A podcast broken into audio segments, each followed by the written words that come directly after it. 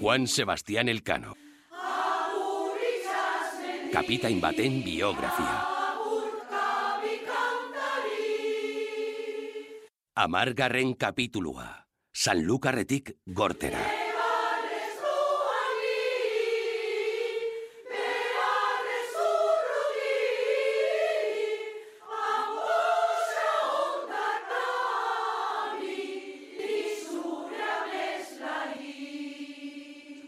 Juan Sebastián, Victoria itxasontziko bere kamarotean enperadoreari idazten ari zen bitartean, itxasontziko zamategian pilatutako hiltzearen lurrin sarkorrak almanzor erregearen uartea ekarri zion gogora. Antzamatu genituen bi itxasontziak espeziaz. Jakin beza, berorren majestate, moluketara nabigatzen gindoa zela, kanforra, kanela eta perlak aurkitu genituela, baita uartea bera txugari ere. Uarte horietako errege eta jaun guztien bakea eta diskidetasuna dakarzkigu, haiek beren eskuez sinatuta. Jainkoaren eta Andre Mariaren laguntzaz eta hiru urteren ondoren iritsi gara azkenean. Berorren maiestate, harren eskatzen dizut jendeari merezi duen saria emateko. Zuri hor egiteko jasandakoneke, min, goze, egarri, hotz eta beroengatik. Sanlukarreko barrara gerturatu zirenean, Juan Sebastianek salba bat botatzeko agindu zuen, ura zeharkatzen lagunduko zien pilotu bat eskatzeko. Jada, portuaren babesean zenbait arroa ardo, ogibiri bilak, meloiak eta aragia erosi zituzten. Denak atxeden hartzeko irrika zeuden, baina hori etzen kapitainaren asmoa. Pilotu bat eta gabarra bat kontratatu zituen, guadalkibiri baian gora joaten laguntzeko marea eta izea aldeko zituztela Koria del Riora iritsi ziren, eta han igaro zuten gaua. Laster zabaldu zen berria eta herriko jendea haiek ikustera ateratzen zen, mirari bat balitz bezala. Biaramunean, irailaren zazpian igandea, Victoria Sevillara gerturatzen ari zela, batel bat urreratu zitzaion amabost gizonekin, kontratazio etxeak bidali zituen, hiltze kargamentua zaintzera lurraren eta sasoiko fruta arbolen lurrin gozoak lastanduta torre del oro ikusi zuten eta salbak botatzen hasi ziren, geratzen zitzaien bolbora upel osoa gastatu arte.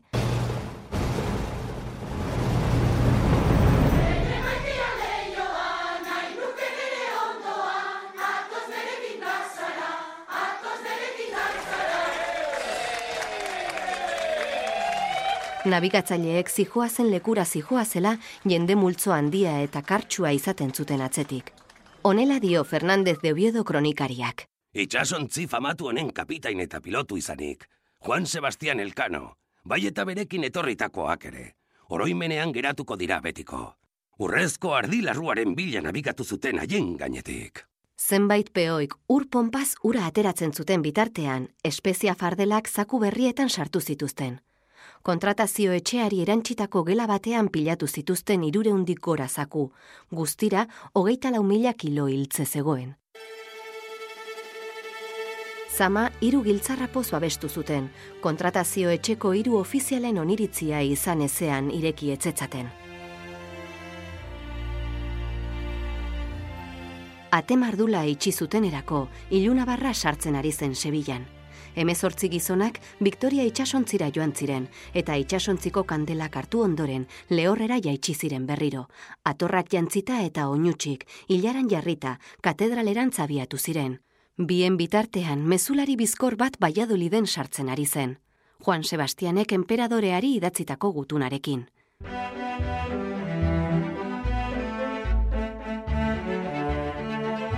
Mezulariak berri honak zeramatzala jakinik, Bi egun eta emezortzi orduan egin zuten zaldiz, Sevilla eta Valladolid arteko bosteundik gora kilometroak. Juan Sebastianen gutunaren kopiak egin zituzten, Europako beste gorteetara bidaltzeko, eta emperadoreak bere ala erantzun zion. Elkano kapitaina, ikusi nituen zure hitzak. San Lukaretik bidali zenizkidanak. Zugarri postu nau jainkoak onik eta salbu ekarri zaituztelako. Eta zinez eskertzen dio torrekatik. Zure gandik jaso nahiko nuke egin duzuen bidaiari eta bertan gertatu den guztiari buruzko informazioa. Eta horregatik eskatzen dizut gutu nau irakurtzen duzunean nigana etortzeko. Nagoen lekuan nagoela. Ekarritzazu zurekin bidaia lagun izan dituzun beste bikide. Zentzutunenak eta azurrenak. Kabo berdeko uarteetan harrapatu zituzten amairu gizonei da jokienez, Beharrezko agindua eman dut, haiek aske utz ditzaten.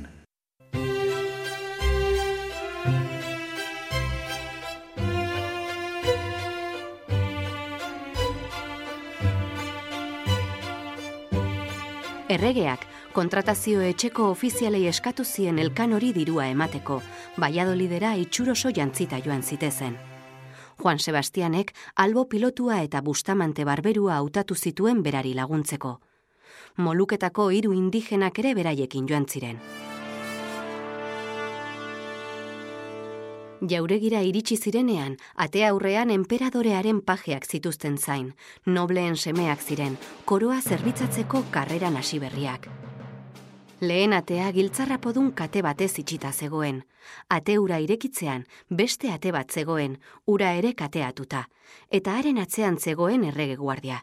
Soldaduen bi hilaraz babestutako korridorea zeharkatuz, eskailera batera iritsi zen, eta eskailera haren gorenean zegoen enperadoreak hartuko zituen aretora sartzeko atea. Carlos Erregea hogeita bi urterekin sasoirik ederrenean zegoen. Jarleku batean eserita zegoen, egurrezko holtza baten gainean, eta imperioko armaikurrak zituen brokatu zapaindutako errezel baten azpian. Haren inguruan, erresumako handikiak zeuden, Flandriarrak eta Gaztelauak. Carlos Bosgarrena, gaztea izanagatik ere, etzen oso adierazkorra, baina gogo berotuta zutitu zen irribarrea laiz. Artean, zailtasunak zituen gaztelera hitz egiteko, baina Portugalgo enbaixadoreak esandakoagatik gizon azkarra zen. Espezien sorlekura iritsi zirela ziurtatu nahi zuen, eta espezie haiek gaztelako mugapean zeudela jakin. Juan Sebastianek baietz erantzuntzien bi galderei. Gero, uarte haietan atzerriko gotorlekurik baote zen galdetu zuen, eta kapitainak ezetz erantzun zalantzarik gabe. Juan Sebastianek orduan, moluketako erregeek sinatutako gutunak erakutsi zizkion. Gutunaietan, hain zuzen ere, beren basailutza adierazten zioten. Hain pozik zegoen enperadorea, erabaki baitzuen Victoria itxasontziko hiltzea salduz lortutako guztia beste ontzidi bat, ahaltsuagoa prestatzeko erabiliko zutela, uarte haiek jabetzan hartzera joateko. Juan Sebastianek opari eksotikoak zekartzan, indigenen armak, moluketako ogia palmondo baten enborrarekin egina eta preziatuena paradisuko sei egazti eder. Egazti hauek izaki zeruti hartzat dauzkate. Erregeek eraman oit dituzte aurkariekin borrokatzera doazenean. Ziur daude haiek soinean izan da. Gudan seguru egongo direla eta txaiek ezingo dituztela garaitu. Juan Sebastianek hiltzeloredun adarrak ekarri zituen, baita beste zenbait espeziaren aleak ere. Alanola kanela, intxaur muskatua eta sandalo egurra haien freskurak eta kalitateak harrituta utzi zituzten. Juan Sebastian kapitainak, bustamante barberuak eta albo pilotuak hainbeste xeetasunekin emandako informazioa laster eta atseginez irakurri zuten Europa osoan, Maximiliano Transilvano emperadorearen idazkari pribatuak latinez idatzitako kontakizunari esker. Ilabete batzuk geroago Italian argitaratu zuten, eta gero beste herrialde askotan. Guztira, hogeita mar bat argitalpen egin ziren, sei hizkuntzatan. Nola nahi ere, Maximiliano Transilvanoren kontakizunaren argitalpenak arrakasta izan arren, Juan Sebastianen izena etzen oso ezagun egin gure mugetatik kanpo. Izan ere, Transilvano ketzuen Victoria itxasontziko kapitainaren izena jakinarazi bere testuan. Soldatak eta kintaladak ordaindu izateko, kontratazio etxeko ofizialek jakinarazpenak bidali zituzten bidaian hil ziren gizonen herrietara. Haien oinordekoek kobratu izan zitzaten. Orduan jakin zen, zenbait marinelek Galiziarrak edo Andaluziarrak zirela esaten zutela. Egiaz, Portugaldarrak izan arren. Beraz haien familiai etzieten soldata ordaindu.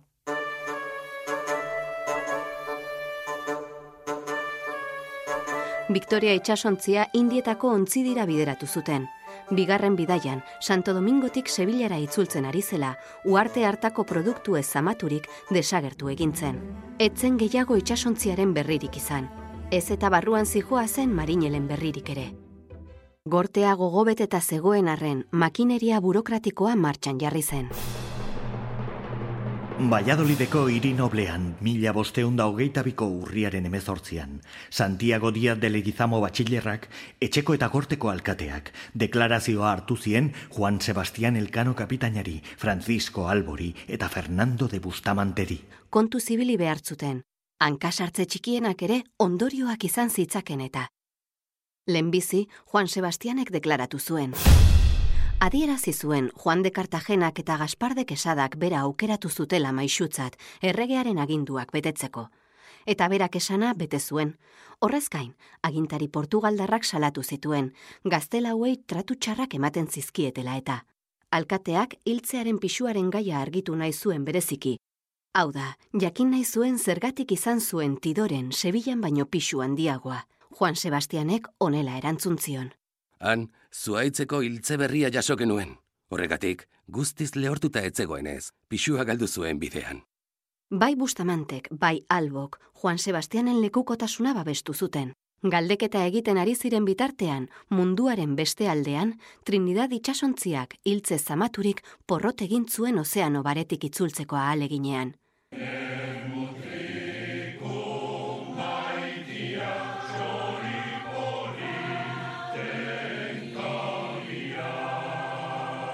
Lapurren uarteetara iristea lortu zuten, baina beti kontrako haizeak izan zituztenez, iparralderantz jo zuten, aldekoagoak izan zitezkeen haizeen bila. Iparraldeko latitudean, berrogeita bigradura iritsi zirenean, sekulako ekaitzari aurre egin behar izan zioten bost egunez brankako gaztelua moztu egin behar izan zuten alabearrez, popakoa hautsita, masta nagusia bizatitan trontzatuta, eta belak txiki-txiki eginda geratu ziren. Jendea gaixotzen ari zenez, amore eman behar izan zuten azkenean. Egoera tamalgarrian iritsi ziren tidore uarte ingurura. Antonio de Brito kapitain Portugaldarra, ternaten gotorreku bat eraikitzen ari zela jakintzuen Espinosa kapitainak, eta mezu bat bidalizion, sorostera etor zitezen. Britok preso hartu zituen denak, eta bortxazko lanak egitera zigortu zituen, gotorlekua eraikitzen hain zuzen ere. Patuak gogor jo zituen Trinidad itxasontziko gizonak, baina errealitateak erakutsi zuen erabaki zuzena hartu zutela Victoria aurretik bidalita.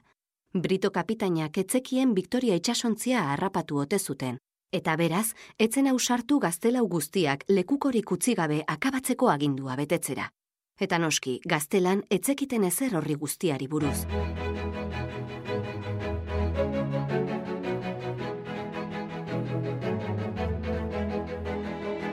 Gomez de Espinosaren agindupean, Trinidad itxasontziak historian lehen biziko aldiz egin nahi izan zuen navigazioak zailtasun tekniko handia zuen. Izan ere, mende erdia igaro zen helburu ura lortu arte. Andres Urdaneta izan zen navigazio hori egitea lortu zuen lehena.